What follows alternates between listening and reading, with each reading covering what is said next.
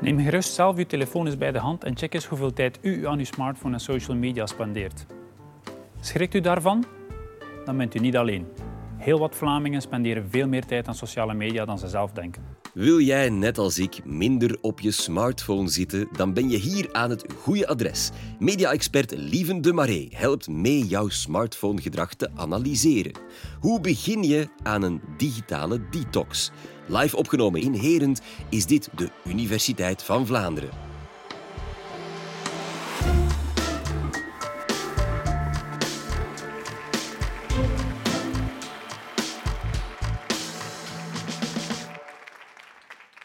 Wie van jullie heeft vandaag al Facebook of een ander sociaal medium op zijn telefoon geraadpleegd?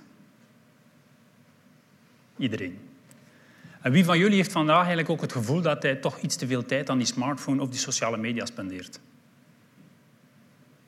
Bijna iedereen. Wel, u deelt dat gevoel met eigenlijk 7 op 10 Vlamingen. 3 op 10 Vlamingen combineert dat zelfs met het woordje verslaafd.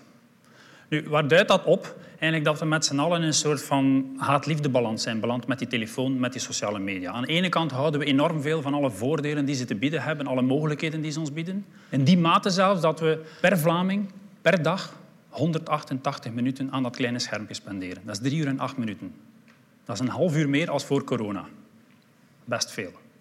Aan de andere kant maken we ons eigenlijk hebben nog nooit zoveel zorgen gemaakt om die afhankelijkheid, om die verslaving. Ouders zoeken wanhopig naar schermtijdregeltjes met de kinderen. Scholen en, en beleidsmakers denken na over het al dan niet moeten verbieden van die smartphone. Waar we eigenlijk in verwikkeld zijn, is wat wij met een duur woord de domesticatiestrijd noemen met de telefoon. Domesticatie, u kent het woord misschien, het temmen van een wild dier. Wij moeten regels opleggen aan dat dier. Wel, als ik u zou vragen, wat als je de smartphone met een dier moet vergelijken? Welk dier zou dat dan zijn? Dan denk ik dat de hond een zeer goede vergelijking is. Mensen die een hond hebben zullen het wel herkennen. In het begin dat je een hond hebt, dat beest gaat meer met u gaan lopen dan omgekeerd. Wel, met een smartphone is net hetzelfde.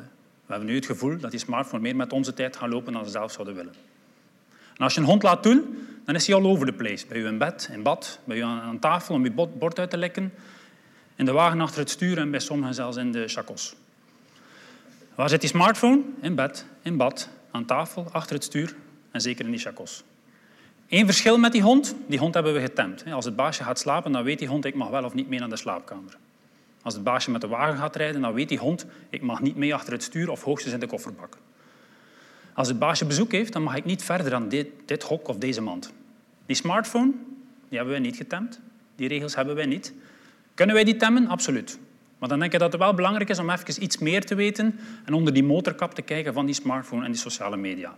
Wat maakt die apps of wat maken die smartphones net zo verslavend? En ik zeg het onder tussen aanhalingstekens, want verslaafd, eigenlijk te vaak verwijten we jongeren dat ze verslaafd zijn. Dat klopt niet. Vanuit de wetenschap hebben we daar te weinig bewijs van. Maar wat maakt dat zo verslavend? Dan moet ik eigenlijk naar het woord dopamine eerst verwijzen. Dopamine ken je wellicht, het gelukshormoon.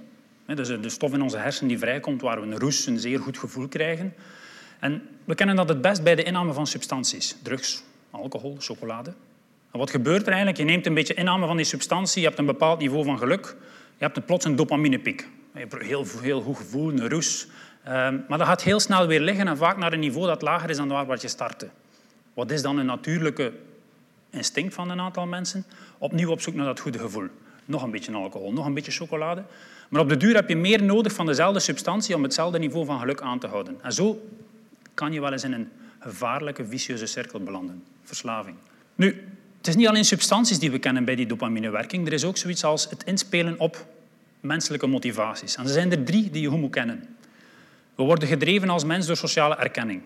Twee, de jacht op iets exclusiefs. En drie, onze dingen op orde krijgen. Nu, als je die drie in het achterhoofd houdt, ehm, sociale erkenning bijvoorbeeld, ja, een, een, artiest die van het podium komt, neemt het applaus en ontvangst, dopamine shot, hij geniet, goed gevoel, is nog maar in de coulissen en dat gevoel hebt alweer weg en hij verlangt alweer naar zijn volgende shot applaus.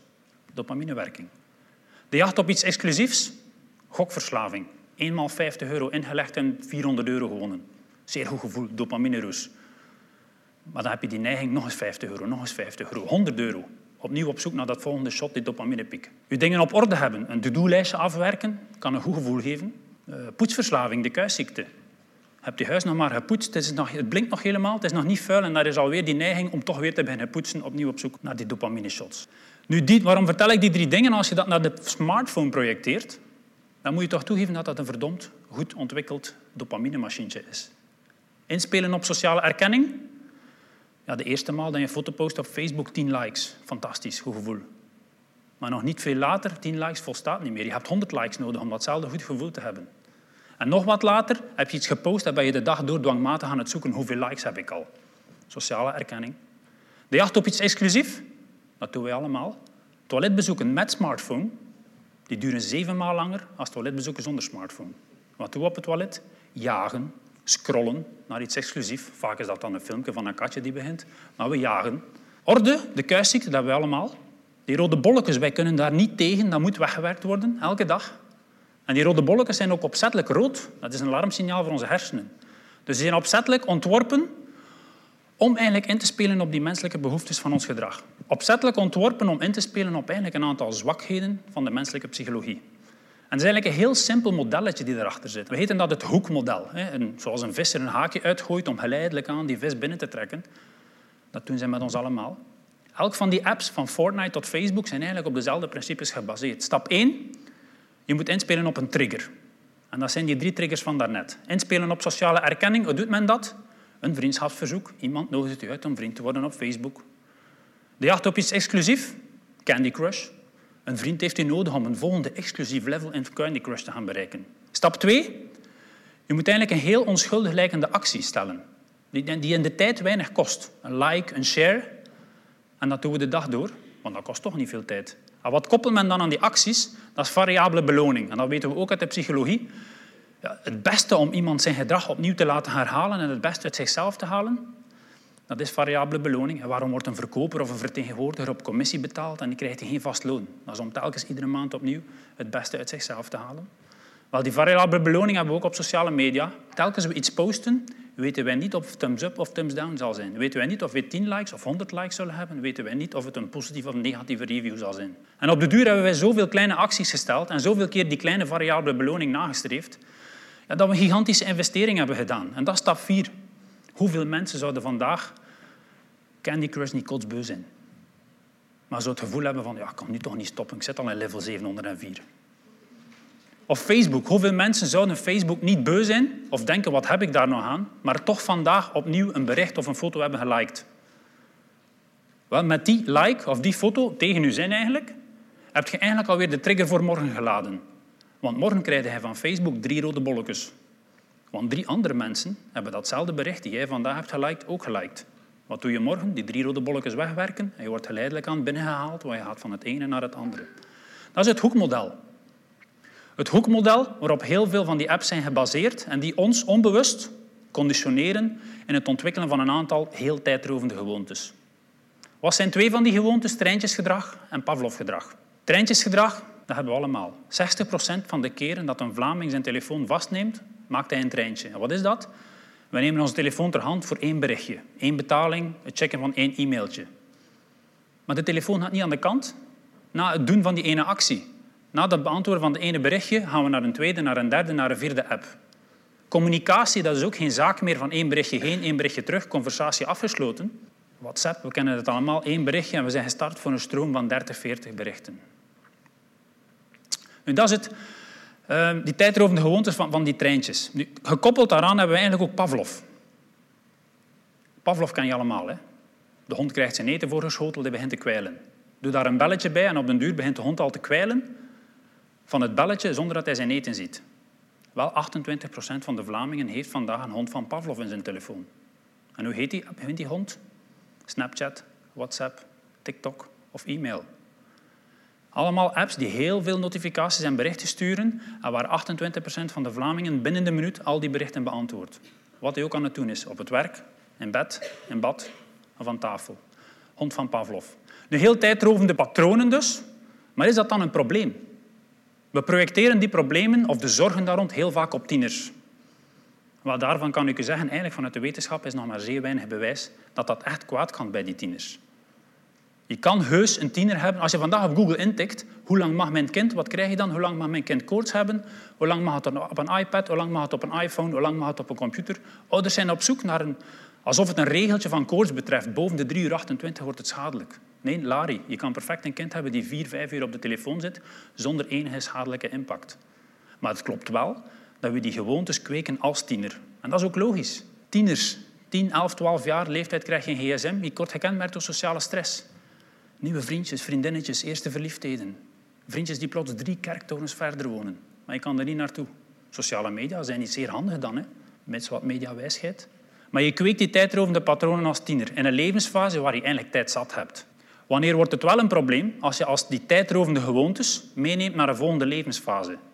In 25, 35 jaar, je hebt nog altijd maar 24 uur op een dag, maar je moet plots 7, 8 uur productief zijn. Je hebt plots een huishouden te runnen en sommigen misschien al kinderen op te voeden. Als je dan nog vastzit aan een hond van Pavlov, waar je 300 keer per dag gestoord wordt om naar een berichtje te gaan, ja, dan kan dat wel een gevoel geven van verdorie, ik kom tijd tekort.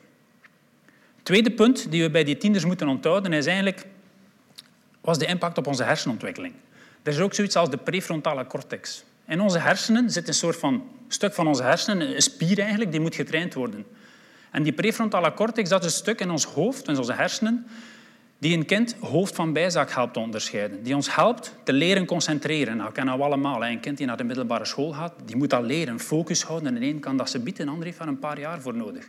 Maar de essentie is dat die spier getraind wordt. En dat doe je door die spier af en toe exclusieve aandacht aan één iets te geven. Dat kan een boek zijn, dat kan studeren zijn, dat kan een hobby zijn.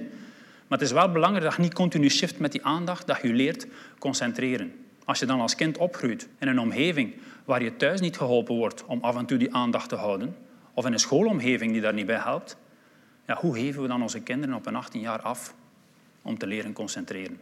Dat zijn twee dingen bij die tieners die we in het achterhoofd moeten gaan houden. Maar hoe kunnen we dat dan? Hoe kunnen we dan eigenlijk vermijden dat die tijdrovende gewoontes als tiener meegenomen worden naar een latere levensfase en daarvoor problemen zorgen? Hoe kunnen we zorgen dat die prefrontale cortex de tijd krijgt, de ademruimte krijgt die het verdient? Misschien moeten we die smartphone niet alleen vergelijken met een hond, moeten we die ook gewoon behandelen als een hond. Maar wat weten van een hond? Als je die goede manieren wilt leren, dan doe je beter van jongs af aan. Veel beter dan achteraf die hond te proberen aan, zijn gedrag te laten aanpassen. En van jongs af aan, dan bedoel ik wel heel jong. Ja, het is schattig als kinderen kunnen swipen nog voor ze kunnen stappen. Kinderen van drie tot vijf jaar krijgen heel snel de smartphone van, van mama en papa in de hand. Maar kinderen apen niet alleen ouders na, ze appen ook de ouders na. Ze doen na wat ze zien. Als je dan als ouder aan de ontbijttafel, papa en mama zitten met de telefoon. Als papa aan het stuur met de telefoon zit met het kind op de achterbank, dan kan je van die kleine van tien jaar niet verwachten dat hij plots zelf heel verstandig en matuur met de telefoon omgaat. Dus punt één, denk ik van jongs af aan, voorbeeldrol van jonge ouders, belangrijk. Wat kan je zelf doen? Dan denk ik dat je misschien als een soort van diëtist naar je telefoon kan kijken. Obesitas, digibesitas, obesitas, het kampen met te veel aan kilo's, we weten allemaal dat een drastisch dieet niet altijd het meest efficiënte is. Veel efficiënter is vaak een diëtist die even eerst uw eetpatroon analyseert en daar één elementje uithaalt en daarop werkt. Wel, met die telefoon is net hetzelfde. Een drastische digital detox werkt ook voor niet veel mensen. Analyseer eerst het patroon waar je in vervalt. Is dat een hond van Pavlov? Is dat een treintje? Is dat een ochtend- of een avondpatroon? En probeer alleen dat te behandelen. En doe dat ook zoals een hond. Als je vaststelt dat je smartphone meeneemt als wekker, maar er niet aan kan weerstaan om s'nachts twee uur te tiktokken, ja, dan moet die smartphone niet mee met zijn baasje naar de slaapkamer. Pak een gewone wekker. Als je een hond van Pavlov in je telefoon zitten hebt, dat je instinctief elk bericht beantwoordt, dan moet je niet stoppen met je telefoon, moet je niet stoppen met Snapchat of met TikTok, maar zet gewoon die app op je tweede tabblad en zet de notificaties uit. Dan zie je niet elk berichtje binnenkomen. Dan zal dat tellertje oplopen tot 37 en kan je ze allemaal in één keer afwerken. Dan heb je geen hond van Pavlov. En heb je dan toch nog de drang om instinctief continu je e-mail-dwangmaten te gaan checken of continu Facebook te gaan checken, dan kan je die ook zoals een hond af en toe in zijn hok en zijn mand steken. Die e-mail-applicatie moet niet op je telefoon staan als je niet aan kan weerstaan. Die e-mail kan ook beperkt blijven tot de tijd en de ruimte van je computer. Als je in je kantoor zit, als de computer dichtgeklapt is, dan heb je je telefoon dan heb je niet altijd bij je. En als we dat al zouden doen, dan denk ik dat we niet de gewoontes kweken om een hond van Pavlov in onze telefoon te hebben? Gaan we geen instinctieve reacties hebben? Gaan we die prefrontale cortex de ruimte geven die het verdient? Dan kunnen we die smartphone, net als die andere beste vriend in ons leven, die hond, te vriend houden en blijven. Dank u wel. Ah kijk, dankzij professor Lieven de Marais weet je nu hoe je je telefoon kan temmen en niet omgekeerd. Tijd om die detox te starten, denk je waarschijnlijk. Maar wacht nog even om je smartphone uit te zetten, want we hebben nog meer interessante colleges en podcasts over mediawijsheid. Ga naar onze website en klik op Alles over mediawijsheid. Zo simpel kan het zijn. Tot daar of tot een volgende keer.